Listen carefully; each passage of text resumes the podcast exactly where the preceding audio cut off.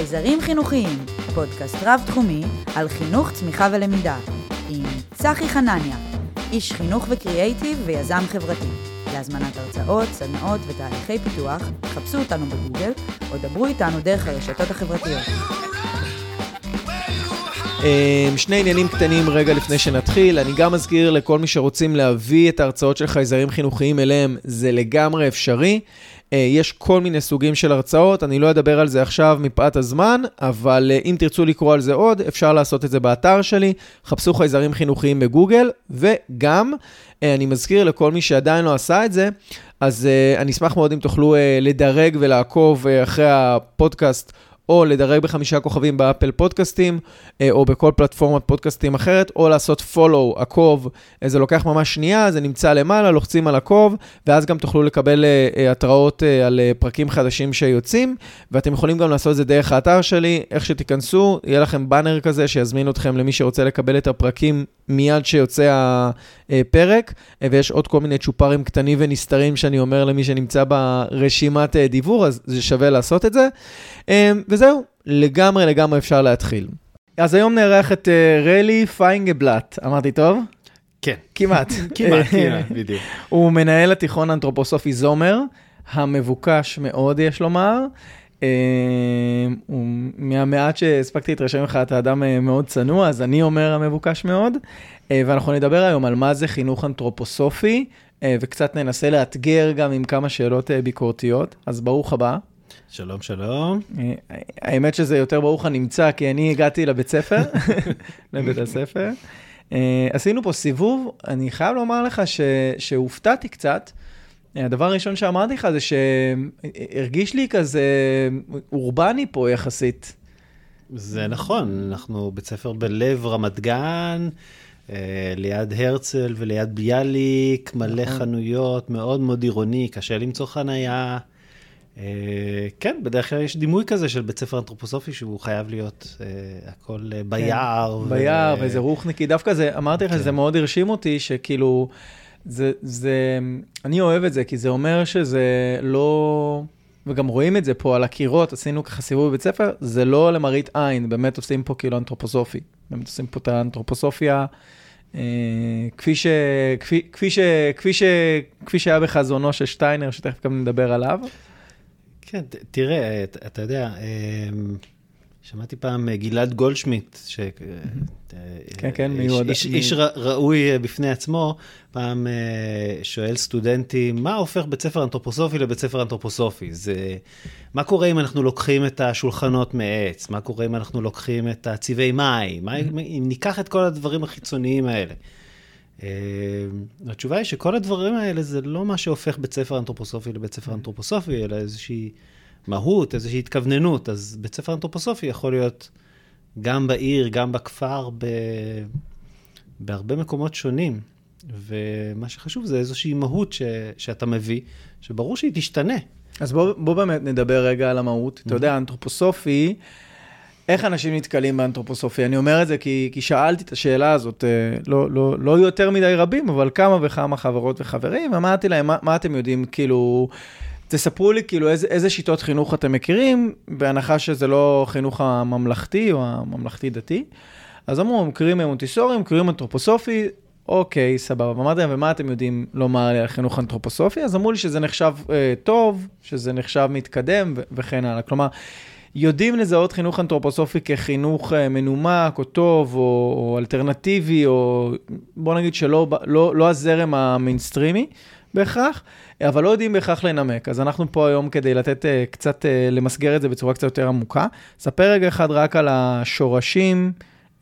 ככל שבא לך להרחיב, כמה שבא לך, על השורשים רגע של החינוך האנתרופוסופי, מה זה בכלל? טוב, קודם כל זה חינוך מאוד מאוד ותיק. בעצם אה, לפני שנה חגגנו, לפני שנתיים, חגגנו 100 שנה לבית ספר כן. הראשון. Mm-hmm. 100 שנה זה הרבה שנים לשיטת חינוך שיש לה, לה הרבה זרועות והרבה בתי ספר ברחבי העולם. אה, צמחה מהמשנה החינוכית של בן אדם שלאו דווקא היה איש חינוך, למרות שהיה לו ניסיון מסוים בזה. אה, דוקטור רודולף שטיינר, אה, דוקטור לפילוסופיה, כתב ודיבר על כל דבר ש, שזז בעולם, אה, ובעצם ייסד את הדבר הזה שנקרא אנתרופוסופיה, איזושהי גישה מסוימת, אה, אפשר לומר, לחיים, תפיסה מסוימת. אה, אז החינוך התחיל בעצם אחרי מלחמת העולם הראשונה. Mm-hmm. פנה אליו אמיל מולט בבקשה ש... שבעצם יעזור לו לייסד איזשהו בית ספר לילדים של העובדים שלו, ושטיינר הסכים, ושם בעצם, ב, ב, ב, זה, זה נקרא מפעל ולדורף אסטוריה, ולכן קוראים לזה גם חינוך ולדורף. נכון. רק שנהיה כולנו על כן. אותו עמוד, חינוך ולדורף וחינוך אנתרופוסופי זה, זה אותו דבר. דבר. כן. כן. אה, ובעצם שם, ש, שם התחיל החינוך, שהוא אה, אה, מתקיים בפורמט כזה או אחר. אה, עד היום. אמ, מותאם לזמננו בנקודות מסוימות, mm-hmm. אה, היה מאוד מאוד מתקדם לדעתי יחסית לתקופתו mm-hmm. באותה תקופה. במה? תראה, לחשוב על זה ששטיינר הכניס נניח עבודה עם צבעי מים בתוך הכיתה, שהיום זה בעצם תרפיה באומנות. ממש. אה, עבודה עם חומר, עם פיסול, אפילו רק במובן השטחי מאוד מאוד, אז אה, לחשוב שהוא מכניס את זה באירופה אחרי מלחמת העולם הראשונה, שזה הדבר הראשון שהוא מכניס, אה, זה ממש מהפכני, אם קוראים את זה ברפרנס ההיסטורי הנכון, זה, זה מאוד מאוד מרחיק לכת, לדעתי, זה משהו ש... שנניח השילוב של אמצעי תרפיה בתוך, בתוך בתי ספר, עד היום בעצם זה לא נכנס כחלק מה, מהקוריקולום. Mm-hmm. נדיר למצוא בתי ספר שבאים ואומרים, אוקיי, אה, אנחנו עכשיו עושים שיעור שלם במערכת שבו התלמידים, כל התלמידים, עוברים איזושהי תרפיה באומנות. אבל בואו נהנדס את זה רגע לאחור. כן, מה, כן. מה באמת מהפכני בדבר הזה? אגב, למי שלא שמו לב, יש פה אדם עם זיקה אה, להיסטוריה. ולאומנות. ולאומנות. כל מיני דברים. לא סתם, אבל בכל מקרה, אה, באמת יש פה אה, קונטקסט היסטורי שצריך לשים עליו את הדגש, ואפילו אולי לקחת עוד צעד אחד קדימה כדי להסביר למה זה חדשני או מהפכני, נכון לתקופה שזה הוקם. נקודת הייחוס הראשון, הראשונה שאנחנו צריכים לדבר עם, ה, עם ההדיות, או מי שרוצה לדעת קצת יותר על החינוך האנתרופוסופי, זה שהחינוך האנתרופוסופי מבוסס אה, על הפסיכולוגיה ההתפתחותית של הילד, בין היתר. כלומר, אה, אם דיברנו על קוריקולום, אז הקוריקולום נבנה בראש ובראשונה לפי שלבי ההתפתחות של הילד. כלומר, אם אני עכשיו צובע בצבעי מים, אני צובע אותם כדי לשרת איזושהי מטרה, והמטרה קשורה להתפתחות האדם, ובפרט הילד שנמצא בבית הספר. בניגוד לתפיסות אה, מסורתיות אחרות של בתי הספר, שאנחנו לומדים איזשהו קוריקולום, אבל באיזשהו שלב כבר שכחנו מה הקוריקולום הזה נועד לשרת. כלומר, בבתי הספר אנתרופוסופיים, דרך אגב, גם במונטיסורים, זה מאוד מורגש. הרעיון של מה המהות העליונה, מה התכלית. כלומר, נכון. למה אנחנו, לא זה שאנחנו משתמשים בצבעי מים, אלא למה אנחנו משתמשים בצבעי מים, והכל מתנקז לשאלה של למה אנחנו עושים חינוך. בניגוד למקומות אחרים שבהם אנחנו לומדים, עושים, אה, מפתחים וכן הלאה, אבל לא בהכרח מה שאנחנו אה, לומדים עכשיו משרת את המהות של למה באנו לחנך מלכתחילה. לצורך העניין, אנחנו יכולים ללמוד משהו כדי, uh, הבית ספר כולו יכול להיות מרוכז באיך להעלות את הציונים, כדי להגיע להישגים, כדי שמנהל בית הספר יוכל לומר, בית הספר שלי יתקדם מנקודה X לנקודה Y, אבל למה מלכתחילה הוא היה צריך להגיע לנקודה הזאת, איך זה משרת את האדם ואת הילדים. בעוד שפה זה מאוד מאוד ברור, כי זה מובנה בשיטה האנתרופוסופית. נכון. יפה. מדויק. עברתי? מדו... מדויק, אה, מדויק לגמרי. אבל בוא נדבר רגע אחד בכל זאת על, ה, על הרעיונות המרכזיים של החינוך האנתרופוסופי. אמ, תראה, יש אחד מהדברים שלפעמים אה, שיטות חינוכיות, אה, ובצדק, נמנעות מלעשות, וזה להגיד מה זה בן אדם. אוקיי. Okay. למה נמנעים מלעשות את זה? כי זה מאוד מאוד מסובך, וזה נתון למחלוקת. אבל מהותית, אני חושב שאתה, שזאת שאלה שכן צריך להתעסק איתה בעצם. ואם אתה, ו, ושטיינר מתעסק עם השאלה הזאת, ואומר, ובעצם יוצא מתוך התפיסה הזאת, אה, ואומר, הנה, יש לנו בני אדם, ואם אנחנו רוצים לעבוד איתם, אם אנחנו רוצים לגדל אותם, אה, זה לא טריוויאלי בכלל, זה לא כמו בעולם החיות, שפשוט החיה דרך חיקוי גדלה, אלא אנחנו צריכים להסתכל מה זה האדם הזה, איזה רבדים יש לו, מה גדל בו, באיזה שלב, ובהתאם לכך, איזה מזון אנחנו בעצם צריכים לתת לו באיזה שלב התפתחותי, ודברים שנכונים מאוד בגיל מסוים, לא נכונים בגיל אחר. Mm-hmm. ובעצם את כל הדבר הזה הוא, הוא, הוא הכניס לתוך איזוש, איזושהי סיסטמה ש, ש, שהיא מאוד מאוד מובנית ויוצאת מתוך התפיסה של מה זה, מה זה בן אדם. אמ, באמת, כמו שאתה אמרת מקודם, נקודת המוצא זה ההתפתחות של האדם. דרך אגב, היא לא, היא לא ייחודית לחינוך ולדורף בהכרח, גם בחינוך דמוקרטי זה, זה, זה נכון. זאת נקודת המרכז, נכון. בהרבה מקומות. אה, יש לנו ויכוחים, אבל, אבל זה, זה נכון ש, שתמיד נשאל את עצמנו למה אנחנו מלמדים דווקא את הדבר הזה, ולמה אנחנו מלמדים דווקא את הדבר הזה ברגע הזה. ורק אחר כך אנחנו נשאל איך נכון ללמד את, ה, את הדבר הזה ברגע הזה. Mm-hmm. והתשובה, אה, כי יש בגרות עוד חודשיים, היא לא קשורה לאדם עצמו.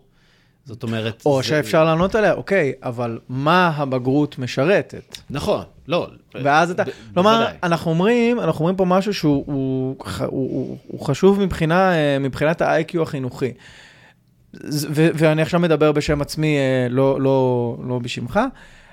זה לא באמת ממש משנה אם אתה מגיע לפתח את האדם כך, כך, כך או כך, בעזרת ספורט, בעזרת גלישה, בעזרת חינוך יער, בעזרת אה, עבודה עם אה, חומרים. מה שמשנה הוא התפיסה של מהו האדם וכיצד ניתן לפתח אותו, ושאלת האיך היא שאלה שצריכה לשרת תמיד את שאלת המה. ברגע שיש לנו איך שאנחנו שוכחים למה? למה? בדיוק. אז אנחנו מאבדים את המה, וברגע שאנחנו מאבדים את המה, אנחנו הופכים להיות אה, שומרים על ילדים ולא מחנכות ומחנכים. זו התפיסה, זו התפיסה שלי. Mm-hmm. אה, אז רגע, אז, אז דיברנו, על, אה, דיברנו על הרעיונות המרכזיים אה, בחינוך האנתרופוסופי. כן. אז הדבר הראשון שדיברנו זה על ההתפתחות אז, האדם. אז קודם כל, אז, כן, אז קודם כל, איך שהוא ראה את האדם, הוא אמר, האדם הוא ישות שהיא לא רק אה, אה, שכל. אה, זאת אומרת, אני לא רק פונה עכשיו ללמד אותו דברים של השכל, אה, אלא אני גם רוצה ללמד, לפגוש את הנפש שלו וגם את הגפיים שלו, גם את הגוף שלו. Mm-hmm. תחשוב על זה לרגע, יש להם, ב, ב, בתיכון לפחות, יש להם שעתיים בשבוע ספורט. Mm-hmm. בעיניי זה דבר לא הגיוני בעצם, כי אתה אומר, יש לך גוף אחד, הוא נשאר איתך לכל החיים, זה מה שאתה נותן לו עכשיו בתוכנית הלימודים? מתמטיקה אתה נותן, יכול לתת לו 7-8 שעות בשבוע, ולספורט, לגוף של, של הבן אדם אתה נותן רק שעתיים. אתה זה... אומר את זה ככה, זה קצת, אה, זה קצת, אה, זה ממש נכון. אני יודע, כן, אבל, אבל זו, כאילו, זאת החלוקה. כאילו, אתה יודע, אני עושה את ההשלמות אחר הצהריים עם עצמי באימונים שלי עם עצמי. לא, זה, זה בסדר גמור, אבל, אבל, אבל זה בסדר גמור. כמובן שאנחנו עושים כל מיני תהליכים בחיים, שעושים כל מיני פיצויים ודברים כאלה, אבל... אבל... אבל... לא, מה שמעניין בזה, כן. באמת, זה שזה מגיע מתוך תפיסה הוליסטית על מהו נכון. האדם, כפי שאתה בעצם, זה בעצם נראה לי מה שאתה מנסה לכוון אליו. בדיוק, לשם ממש... שאנחנו לא מאמנים רק את המוח של האדם, אנחנו מאמנים גם את הגוף של האדם, אנחנו מאמנים גם את הרוח של האדם. נכון. ו- ו- אבל גם ממש בראייה, כן, באמת אם, אם אתה מסתכל על זה, אתה אומר, אני, אני בדברים שאני, שאני עושה, אה, עם הילדים והילדות, הנערים והנערות, אני רוצה לפנות לכל, לכל התחומים האלה. אה, הוא אמר אפילו יותר, יותר מכך, הוא אמר, אה, יש לו משפט מדהים, הוא אומר, את מה שהמורה להיסטוריה הורס בילד, כשהוא מלמד היסטוריה, המורה לנגרות ועץ בונה אצל הילד. איך? ואת מה ש... ובדיוק הפוך גם. זאת אומרת, את מה שה... מורה לנגרות במרכאות הורס אצל הילד, זו מילה קשה, המורה להיסטוריה בונה. זאת אומרת שאם אנחנו משקיעים יותר מדי בלמידה, אם אנחנו כל היום ננפח לו את הראש עם נתונים והיסטוריה, משהו בו, משהו אחר ישלם על זה מחיר. עכשיו, זה משהו שאנחנו יודעים מהחיים שלנו הרבה פעמים אינטואיטיבית, אבל לא תמיד יודעים להסביר אותו. למה לצפות יותר מדי שעות בטלוויזיה זה לא טוב. לפעמים אנחנו מרגישים את זה, נכון? בפלאפון, לגלול, ו, אנחנו לא מבינים עד הסוף איזה מחיר אנחנו משלמים, ואנחנו משלמים איזשהו מחיר, לפעמים גם באופן לא מודע. שטיינר ממש אומר את זה, הקוריקולום, המערכת הלימודים, צריכה להיות בנויה בצורה שהיא, שהיא, שהיא, שהיא מאוזנת. ואין, אם אתה תיתן לו גם יותר מדי נגרות, או כל היום לרוץ, הוא יאבד משהו. זה, זה, זה לא חד-חד ערכי. זה לא זה טוב וזה רע, אלא זאת מערכת שהיא צריכה להיות הרמונית, ועובדת ביחד כדי לבנות משהו שלם אצל, אצל, ה, אצל הילד או הילדה. Mm-hmm. אז זה דבר אחד, קודם כל, להבין שאנחנו כל הזמן עובדים בכל הרמות.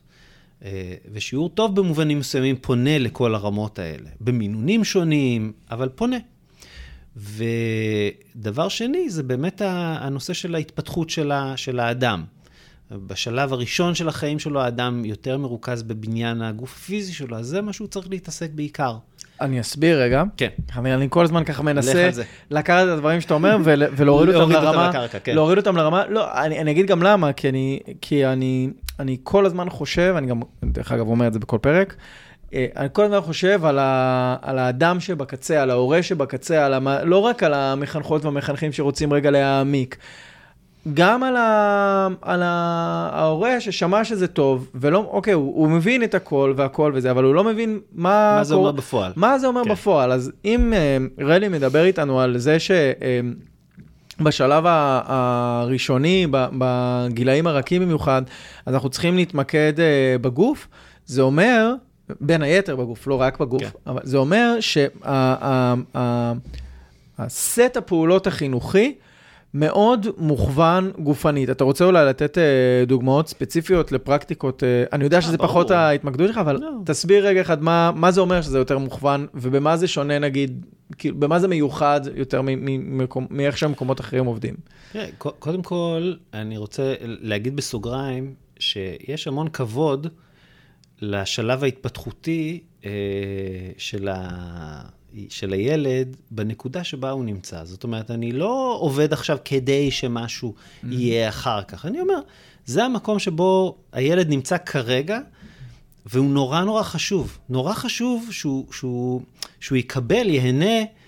אה, הוא עכשיו ילד, הוא צריך ליהנות מלהיות ילד mm-hmm. עד הסוף מה, מהדבר הזה. אחר כך הוא יהיה מבוגר. יש לו מלא מלא זמן עד שהוא יהיה מבוגר, והשאלה הזאת של מה הוא צריך לחוות עכשיו, היא נורא נורא חשובה. אני מקווה שהנקודה הזאת ברורה. זאת אומרת, אני לא עכשיו עובד על כישורים מוטוריים או זה, כדי שבגיל...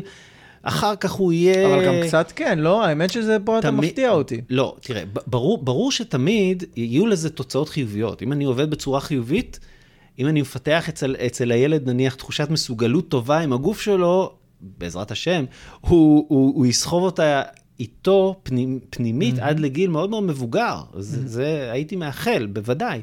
אז בוא נגיד משהו אחר, כן. בסדר? מה ששטיינר אומר, הוא לוקח רגע אחד, הוא מתחיל ממה מהו האדם או מיהו האדם. כן. מתוך הדבר הזה, הוא בסוף מגיע מחוויה פילוסופית של מהם החיים הטובים, או מה אנחנו צריכים להקנות לאנשים כדי שיחיו את החיים הטובים, סלאש ימשו את עצמם בעולם, סלאש you name it, אוקיי? והוא שם כמה מוקדים. לצורך העניין, בואו mm-hmm. ניקח רגע אחד את העולם הרוחני-אומנותי, אוקיי? אומנות ככלי ביטוי גם ל... אה, אה, אה, בואו נגיד מוטוריקה, פיתוח יכולות מוטוריות, וגם ככלי מחשבתי או רוחני. אז אם אנחנו נעבור עכשיו אה, על החינוך האנתרופוסופי מגן הילדים ועד התיכון, אנחנו נראה אה, זה, עברתי איתך פה בכל המסדרונות, זה ממש ממש ברור. ממ. אתה תראה, אני, אני ראיתי scale של ציורים. לצורך העניין, נכון. הדוגמה המושלמת לזה זה שעברנו ב, בין המסדרונות והסתכלת כל פעם על ציורים, שהציורים היו מאוד מאוד דומים, זה כאילו נתנו ל, ל, לילדים בריף, אוקיי, עכשיו תציירו, לא יודע, פרספקטיבה, תציירו עכשיו אה, לא, תנועה. והסתכלת על זה ואמרת, אוקיי, את זה עשו ילדים כנראה בכיתה ז', את זה עשו ילדים כנראה בכיתה א'. למה? כי מבחינת שטיינר יש איזושהי אה, טכניקה מסוימת, שזה הזמן הראוי ללמד או לאמן את הילדות והילדים בה, בשלב ההתפתחותי הזה. אמ, וככה צריך כן. לעשות את זה. כן, הייתי אומר, לא, לא, לא הייתי אומר לאמן את הילדים בטכניקה, כי זה לאו דווקא העניין שלי שהם יצאו אומנים מדהימים, mm-hmm. אלא שמה שהם פוגשים דרך האומנות כאמצעי ביטוי מסוים, זה יבוא לידי ביטוי גם בסיפורים מסוימים שאנחנו נספר להם, או בתרגילי חשבון, וואטאבר. זה איזשהו מזון שיוכל אה, להצמיח אותם. אבל. יש פה כן סיפור מעניין. מה? כי אתה יודע, כי אתה יודע שאחד הדיבורים על חינוך אנתרופוסופי, הביקורתיים, שזה שב, שב, שבטי כזה מאוד, שזה יש איזה נרמול כזה או סטנדרטיזציה מאוד מסוימת, שככה הדברים עובדים וככה עושים. תראה, ואני תמיד הרגשתי שההופכי של הדמוקרטי זה אולי אנתרופוסופי, כי, mm-hmm. כי אם, אם אני טוב, אני לוקח את זה קצת לעולמות אחרים, כן? אבל זה כמו... זה כמו... אה, אה, אה, מה מידת הרגולציה על החומר הנלמד, אוקיי? אם בחינוך הדמוקרטי אומרים, אוקיי, המחויבות שלכם היא בסיסית לחוקים ולכללים האלה והכל, ובתוך זה יש לכם, תנו כמה שאתם רוצים, אז התחושה היא שבחינוך האנתרופוסופי, התחושה, זה לא מה שזה, כן, כן. זה מאוד uh, מובנה. כלומר, כן. כשאתה עובר ליד קיר ואתה רואה 40 ציורים, וה-40 ציורים נראים לך מאוד מאוד דומה, אז אתה מבין שיש איזושהי ציפייה שיהיה איזשהו תוצר. בעוד שלצורך העניין בדמוקרטיה יגידו, ציירו מה שאתם רוצים. התפיסה על אומנות היא תפיסה יותר חופשית. פה יש תפיסה שהיא תפיסה יותר כביכול סגורה או הקנייתית או דידקטית, אבל מה שמגניב שהקפיצות שה- משרתת רעיון של שחרור. נכון. אז זה קצת הפוך על הפוך. קודם כל, השאלה היא מתי. זאת אומרת, יש, יש תרגילים מסוימים בגילאים מסוימים, בגילאים צעיר, צעירים יותר, עובדים הרבה מאוד דרך חיקוי של, ה, של המורה, ואז זה באמת, אה, כמו שאתה מתאר, רואים איזשהו מודל, שגם בתוכו יש איזשהו חופש מסוים, וגם בתוך כל הציורים שאתה ראית, גם אם הם נראים אותו שטאנץ, אם אתה שנייה מסתכל עליהם, והיינו יכולים ממש להסתכל עליהם, אני רואה, רגע, של מי יותר אדום, של מי פחות אדום, של מי יותר חזק, של מי פחות חזק. יש את השונות הזאת, אה, האינדיבידואליות הזאת באה לידי ביטוי בכל, בכל, בכל פורמט, והמטרה היא בשום פנים ואופן לא שכל הציורים ייראו בדיוק אותו דבר, הם לא יוכלו להיראות אותו דבר. ובגילאים מאוחרים יותר, אז באמת אפשר לשחרר את זה יותר, ואפשר לתת אה, נושאים אה, מופשטים, פנים וחוץ, תנועה, כל מיני ציורים, אבל מה, שבגילאים הצעירים זה, זה נותן, זה המון המון אה, יציבות בעצם, כי יש איזשהו משהו שאתה יכול להסתמך עליו, משהו שהוא מאוד מאוד ברור ומובנה. ובעיניי אחד מהדברים באמת אה, שמיוחדים, קשה לנו לפעמים לעכל אותם, זה את השילוב בין... משהו שיכול להיראות כלפי חוץ אה, אה, מאוד מאוד אה, נוקשה, ואולי אני אפתיע אותך בזה שאני אגיד שלמורה יש המון המון אוטונומיה, והמורה צריך להיות מאוד מאוד יצירתי mm-hmm. ומאוד חופשי בהוראה שלו בתוך השיעורים, אבל יש לו גם רפרנס מאוד מאוד ברור של מה נכון ומה מדויק, אבל זה בסדר גמור גם שמורה ירגיש ש... זה לא נכון הדבר הזה כרגע לכיתה הספציפית שהוא פוגש כרגע, או אפילו לאינדיבידואלים מסוימים בתוך הכיתה. וזה ממש בסדר שהוא יבחר, עכשיו הוא אומר, אני, אז אני לא אלמד את התקופה הזאת, אני לא אלמד את הנושא הזה כן, השנה. כן, זה קורה? בוודאי, בטח. אה, אלא זה יקרה בשנה הבאה, או זה אמור לקרות בשנה הבאה, אבל אני מרגיש שהם בשלים כבר לפגוש את זה השנה. יש... אה, יש, יש עוד נקודה, כן. עוד, אה, עוד אה, קונטקסט ש, שאתה לא, ש, שלא לא מנית פה, אבל לי חשוב למנות פה.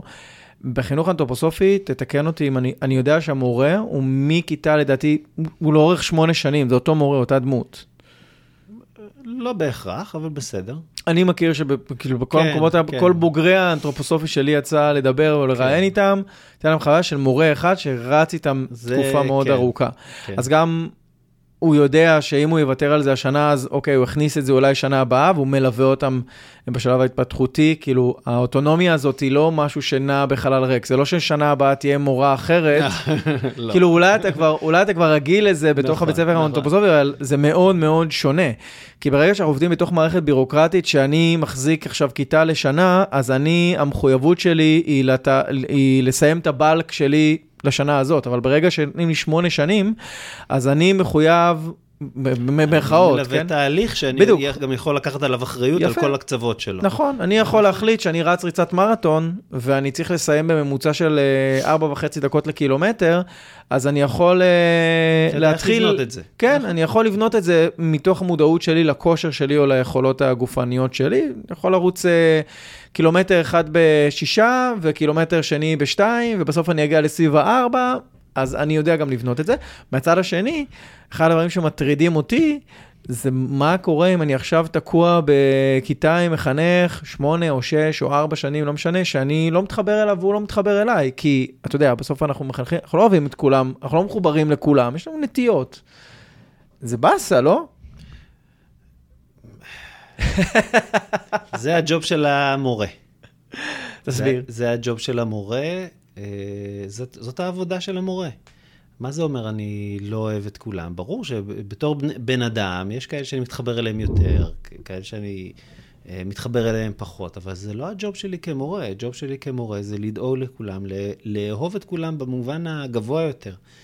אה, גם אם אה, יש כאלה שאני, אני מגיע מהתיכון, יש כאלה שאני בכיף אצא איתם אחר כך לשתות קפה, ויש כאלה שפחות, אבל זה לא משנה.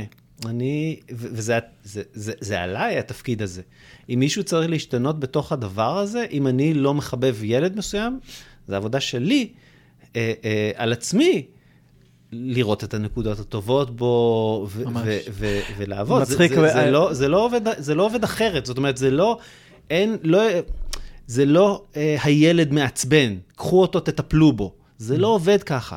זה הילד מעצבן, ואני נתקלתי בזה הרבה מאוד פעמים. עכשיו, אנחנו בני אדם, מורים, כן, אבל, אבל, אבל אנחנו צריכים לעבוד על עצמנו. הבעיה היא לא, לא שמה, אנחנו צריכים לעבוד על עצמנו. אני בדיוק, אני בדיוק קורא את, אה, את אומנות האהבה של פרום, מהמם. בדיוק על זה הוא מדבר, על זה שכשמדברים על אהבה, אז רוב האנשים חושבים על איך להיות, חושבים על זה באופן עצמי, על איך להיות נאהב, איך להיות זה, בעוד שאהבה היא, אה, היא, היא לא דבר שקורה או נופל, או פוק... היא דבר שעובדים בו. היא אומנות שצריך לעבוד בה, צריך לעסוק באיך אני יכול לאהוב יותר, איך אני יכול להפגין יותר. האמת שזו תשובה ממש אה, גם טובה וגם מרגשת, כי בעצם מה שאתה אומר זה שחלק מהמקצוע שלנו כמחנכות ומחנכים, מורות ומורים, זה לדעת לאהוב ולהיות ערבים לכל בני האדם, וזה באמת משהו שאפשר, יש תרגיל כזה שלמדתי באיזה ספר שקראתי פעם, שפעם הייתי יכול לומר אותו לפני שלי ולחברים שלי היו ילדים, אבל היום כבר יש לנו,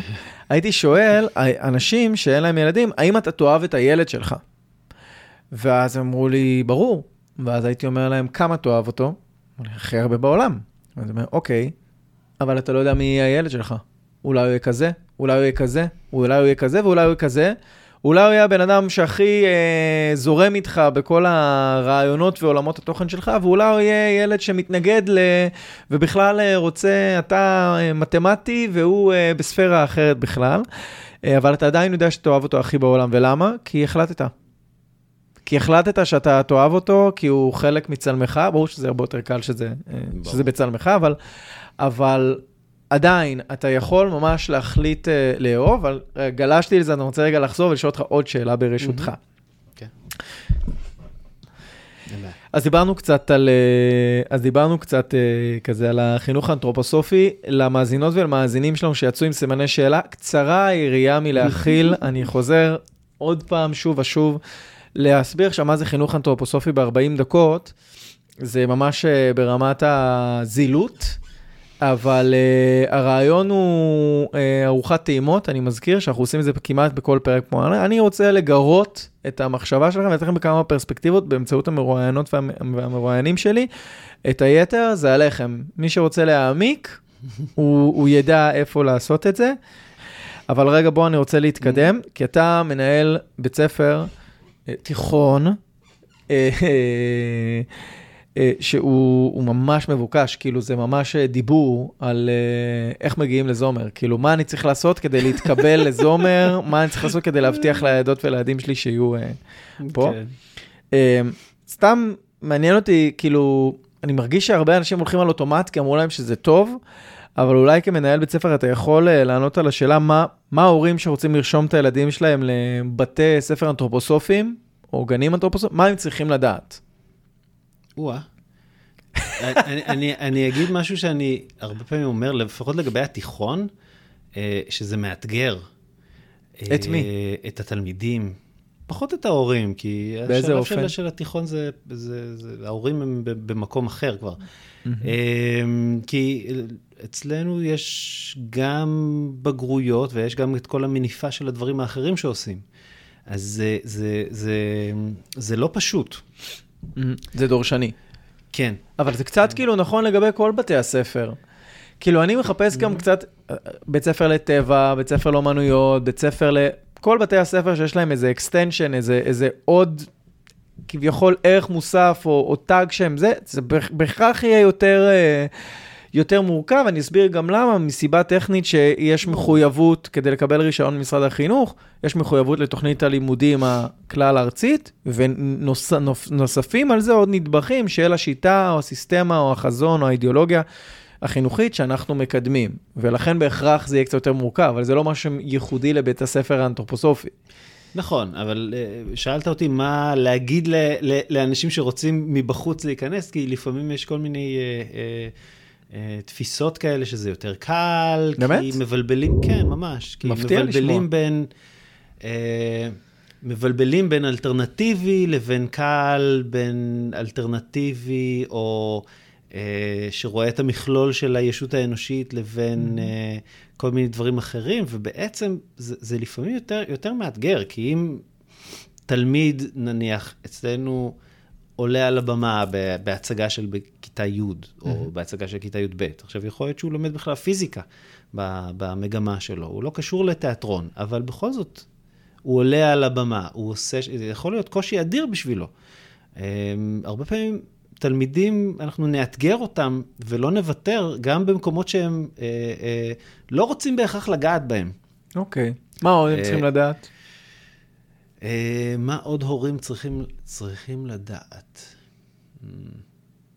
אני אשאל אותך אחרת. כן, איך נראה סדר יום של ילד או ילדה בחינוך האנתרופוסופי? פחות או יותר. איך זה נראה? אה, אה, מבחינת סדר היום, איך נראה היום? אה, לומדים את אותו מקצוע אה, בבוקר, בדרך כלל בשעתיים הראשונות, למשך מה שאנחנו קוראים תקופה, זאת אומרת למשך שלושה או ארבעה שבועות, לומדים את אותו נושא. אם לומדים היסטוריה, אז לומדים שעתיים בבוקר היסטוריה יום ראשון, שעתיים בבוקר היסטוריה יום שני, וכן הלאה וכן הלאה, ככה שלושה או ארבעה שבועות, ואז מחליפים מקצוע, לזה אנחנו קוראים תקופה. אה, כמובן שזה לא שעתיים אה, אה, שהמורה מרצה, מרצה פרונטלי, אלא יש כל מיני חלקים. אחר כך לומדים את המקצועות שדורשים תרגול, מתמטיקה, לשון, ספורט, כל הדברים שדורשים תרגול יומיומי. ואצלנו בתיכון אז יש גם אה, תקופת צהריים, שבדרך כלל היא אומנותית יותר. אה, אומנות, צורפות, פיסול, כל הדברים האלה. אז ככה פחות או יותר נראה סדר היום. אה, מהבחינה הזאת זה יכול להיות סדר יום רגיל, אבל מבחינת החשיבה של הבנייה, אנחנו מנסים ככל האפשר לבנות את זה בצורה באמת ש, שתהיה, כמו שאמרתי מקודם, מאוזנת עבור, עבור הילד, שלא יהיה יותר מדי ראש, שלא יהיה יותר מדי ידיים, שלא יהיה יותר מדי אה, לב, שהכל יהיה באיזשהו אופן אה, אה, מאוזן בין, בין החלקים. אה, מה הרציונל שעומד מאחורי למידה בתקופות? אמ, כמו כל דבר, יש, זה, זה כלי, אז יש, זה איך. יש לזה יתרונות ויש לזה גם חסרונות. אז היתרונות הם באמת שאתה יכול לצלול לאיזשהו נושא לעומק. אמ, מורים, מורים מכירים את זה, את, ההבד... את, את הסיפור הזה של שעה או שעתיים בשבוע. נכון? שאתה לא מספיק שום דבר, סטטיסטית, יש על זה אינסוף מחקרים של כמה, כמה דקות בשיעור מורה מצליח ללמד חומר חדש נגיד, כי הוא מבזבז את כל, ה, את כל, ה, נכון. את כל הזמן על לאסוף את התלמידים ולהיזכר מה היה בשיעור שעבר ומי הכין שיעורי בית, ופלאק, נשאר לך חמש דקות אה, לשיעור עצמו. אה, וכשאתה עושה את זה ברצף, אז, אז התלמידים כבר, כבר, כבר בתוך העניינים. אה, זה מעולה לפרויקטים, זה ממש ממש מעולה לפרויקטים. אה, ומבחינת תהליך הלימוד, אה, יש, יש פה משהו שהוא עמוק יותר במובן הזה, ששטיינר מדבר עליו, וזה, אתה לומד משהו, ואז אתה צריך לישון בלילה. אתה עושה איזשהו תהליך עיבוד של מה שעברת ביום במהלך הלילה, ובבוקר אתה קם, ואתה מגיע לשיעור, אתה מגיע משהו, עם משהו אחר. אז זה אומר שבשיעור מספר 1 אני אעשה, נניח, אני אעשה ניסוי בפיזיקה. אני רק אתבונן על הניסוי הזה, אני רק אתאר אותו, אולי בשיעורי הבית, ואני עדיין לא אנסה להסביר אותו. אני אשן בלילה, ושם יקרו כל מיני תהליכים שאני בכלל לא מודע אליהם, אבל בבוקר למחרת, כשאני אבוא לכיתה, אה, ננסה להסביר ביחד מה ראינו שם בניסוי הזה. ואז כבר הדברים יהיו יותר בשלים. זאת אומרת, אני, אני לא הולך מה... אוקיי, הנה התיאוריה. זה מה שקורה. ככה קרן נשברת, ככה עובד החוק השני של ניוטון, הנה, ועכשיו נעבור להדגמה. אלא, קודם כל אני רואה מה קורה בחיים, זה מעניין, זה משונה, זה הפתיע אותי. אני ישן על זה שנייה, ורק אחר כך אני אגיע ל... רגע, בעצם אני מבין מתוך זה משהו. ואולי אפילו אני יכול לתאר את זה בשפה מתמטית, שזה סופר מגניב, כי כאילו מה הקשר בין, בין מתמטיקה לבין הדבר הזה שאני ראיתי, ש, ש, שהפתיע אותי, שריגש אותי. אז זה בעצם עובר דרך, דרך כל השלבים האלה, וזאת הלוגיקה העמוקה יותר מאחורי העבודה בתקופה, שבעצם אתה אה, עובד בצורה מאוד מאוד רציפה על, ה, על הלמידה. יש פה עניינים שכליים, קוגניטיביים, תהליכים ביולוגיים שקורים בגוף. זה לא איזה משהו שהוא אה, כאילו הגיע, זה נראה לי יותר נחמד, זה מנומק אה, וזה מוכח. בגדול, אם אני מתייחס לחומר בתור מזון, אה, אז, אז, אז אני רוצה באמת שהמזון שאני מביא ל, ל, לילדים, שהם יוכלו לגדול ממנו ולגדול איתו. שאלו יהיו דברים שילוו אותם אולי גם עד uh, גיל מבוגר יותר, ויוכלו לצמוח איתם. זה, שטיינר מדבר בעצם על זה ש, שאנחנו צריכים לתת לילדים לא ידע שיישאר קפוא בתוכם, ואז בן אדם נשאר תקוע עם אותו, עם, אותה, עם אותו ידע לאורך כל השנים, גם mm-hmm. בגיל 10, גם בגיל 20, גם בגיל 30, זה לא עובד ככה, אבל למשל שאלה מסוימת. שאין עליה תשובה, מה זה יפה, האם יש אה, צדק, אלה דברים שבפאזות שונות של החיים שלנו, אנחנו עונים עליהם בדרכים שונות. אבל אני רוצה שהשאלה הזאת, נניח, תסקרן אותו, שהוא יחקור אותה, שהוא יפגוש אותה, ואז היא תוכל לגדול בתוכו, והיא תלווה אותו, גם כשהוא יהיה בין, אה, בין 30, 40, 50, 60, 70, 80, 90. וזה לא יהיה משהו ש, ש, שהוא ילך ויגיד לעצמו בגיל 40, ככה זה. בכל מיני תחומים בחיים. אה, באמת אתם מצליחים לעשות את זה? כאילו, המחנכות והמחנכים כן. פה, איזה מין טיפוסים הם? איך הם מגיעים לפה? איך אתם... הרי כדי לעשות את כל הדבר הזה, אתה צריך אנשים מאוד אינטליגנטים. זה לא טכני. צריך להיות אינטליגנט באמת, כדי קודם כל להבין את הדברים שאתה מדבר עליהם, שלא לדבר על להנחיל אותם לאנשים אחרים. כן. אה, תראה, אני חושב שהדבר הכי חשוב למורה אה, אצלנו, בסוגריים, אל תגלה לאף אחד, אני חושב שלמורה באופן כללי... אף אחד לא שומע, דרך אגב, זה לא, אין מאזינים. אין מאזינים. אני חושב שהרצון בהתפתחות, זה אולי הדבר הכי, הכי חשוב למורה. אה, הייתי אומר באנתרופוסופי, לדעתי זה לכל מורה להמשיך לחיות, להמשיך לשאול את השאלות, להמשיך לרצות. עכשיו, זה לא... זו האינטלקטואליות זה, זה... מבחינתי. אה, אוקיי. אינטלקטואליות זה, אתה מעמיס, אני מרגיש שאתה אולי אה, אני, מעמיס אני, עליי מס. כן, מס בדיוק. של... מבחינתי, אני... להיות אדם אינטלקטואל זה להיות אדם שהוא אה, בתנועה, אה, שמצליח לראות מורכבות, שמעוניין לראות מורכבות, שעוסק בשאלות של מהות. אה, ושמבין שהחיים זה לא יום ועוד יום ועוד יום ועוד יום ועוד יום ועוד יום, אלא זה מכלול אינסופי, תלת מימדי. זה להיכנס לכיתה, זה ללכת לישון לגמרי. עם שאלות, זה לבוא למחרת ולעשות משהו קצת אה, אחרת, זה לחשוב האם מה שאני עשיתי זה נכון או לא נכון. אה, שטיינר אומר, יש לו כל מיני guidelines כאלה למורים, הוא אומר, הם צריכים להיות יזמים באופי שלהם, הם צריכים לדאוג לבריאות שלהם למשל, שהם לא יישחקו מה, מהעבודה, זה האחריות שלהם, הם צריכים להיות עם איזשהו עמוד שדרה בעולם ולהתעניין בעולם, לא להיות מנותקים ולא להיות בבועה. אבל אני באמת חושב שה, שהסיפור הזה של הרצון אה, לגדול, להיות יותר טובים, להרחיב את היריעה, זה משהו שהוא מאוד מאוד, אה, מאוד, מאוד חשוב. מדהים. כי, כי בעבודה שלנו עם הילדים, זה, זה בעצם, אנחנו מצמיחים אותם. זה, זה כן. זה לא, זה לא החומר שאנחנו מלמדים, מירכאות או לא, או לא במרכאות. זה לא החומר, זה המפגש שלנו עם אנשים אחרים, עם החברים שלנו לכיתה ועם המורה או המורה ש, שעומדים מולנו. זה מה שהופך את, ה, את, ה, את ההיסטוריה, או את הספרות, או את הלשון, או את המתמטיקה, למשהו שהוא חי. וזה בטח נכון בתיכון. שוב, שטיינר אומר, בתיכון המורה צריך לפתוח את הפה שלו ושהתלמיד יגיד, כל העולם מדבר אליי מהפה של הבן אדם הזה, מה קורה פה?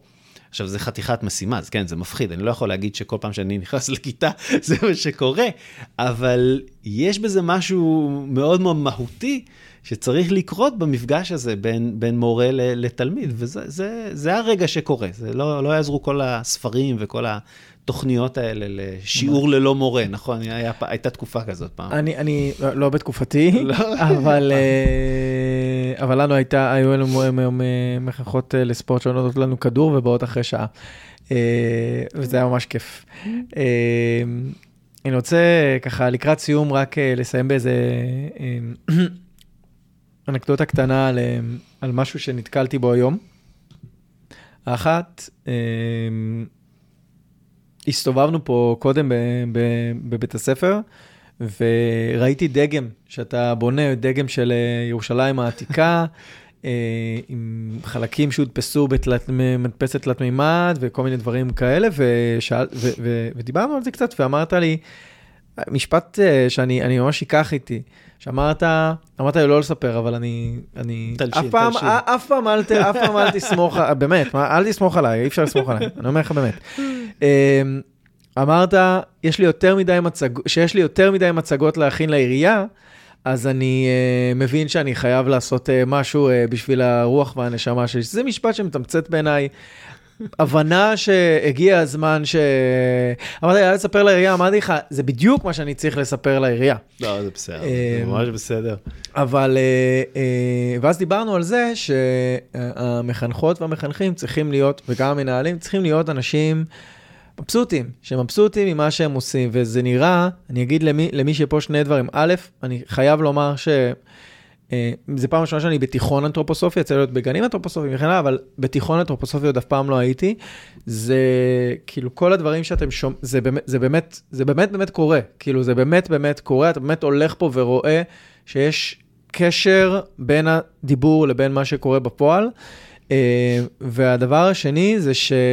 אה, זה שבאמת קורן, קורן מפה איזושהי אנרגיה של משהו שהוא מחובר לעצמו.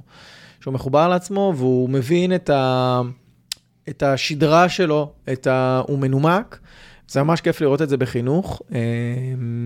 זהו, אני רק אראה לי לקראת סיום, אם למישהו בא קצת יותר להעמיק על אנתרופוסופיה או על אנתרופוסופי, אם יש לך איזה טיפ, עצה, מה כדאי לקרוא, אחרי מי כדאי לעקוב, אם יש איזה ספרים, אם יש איזה אתרים או עמודים. וואו, יש מלא אה, אתרים. אה... אה, אפשר, תראו, יש, יש, אה, יש סמינר, יש אה, שנת מבוא שאפשר להיכנס וללמוד בפורמטים כאלה ואחרים, ואני חושב שזה הדבר הכי, הכי טוב להיכנס, כי אפשר לקרוא ספרים, גוף, נפש, רוח, כל מיני דברים כאלה, כל אחד ורמת ההבנה שלו, אבל הכי נכון, אני חושב, זה לפגוש את זה ב...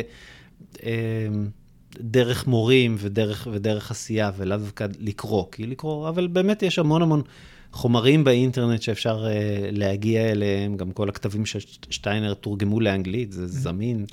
כל הידע שם, וצריך רק uh, להיות מוכן להתאמץ מספיק כדי לקחת. לגמרי. אז רלי, המון תודה על הזמן שלך ועל שהחכמנו ביחד איתך, נראה לי.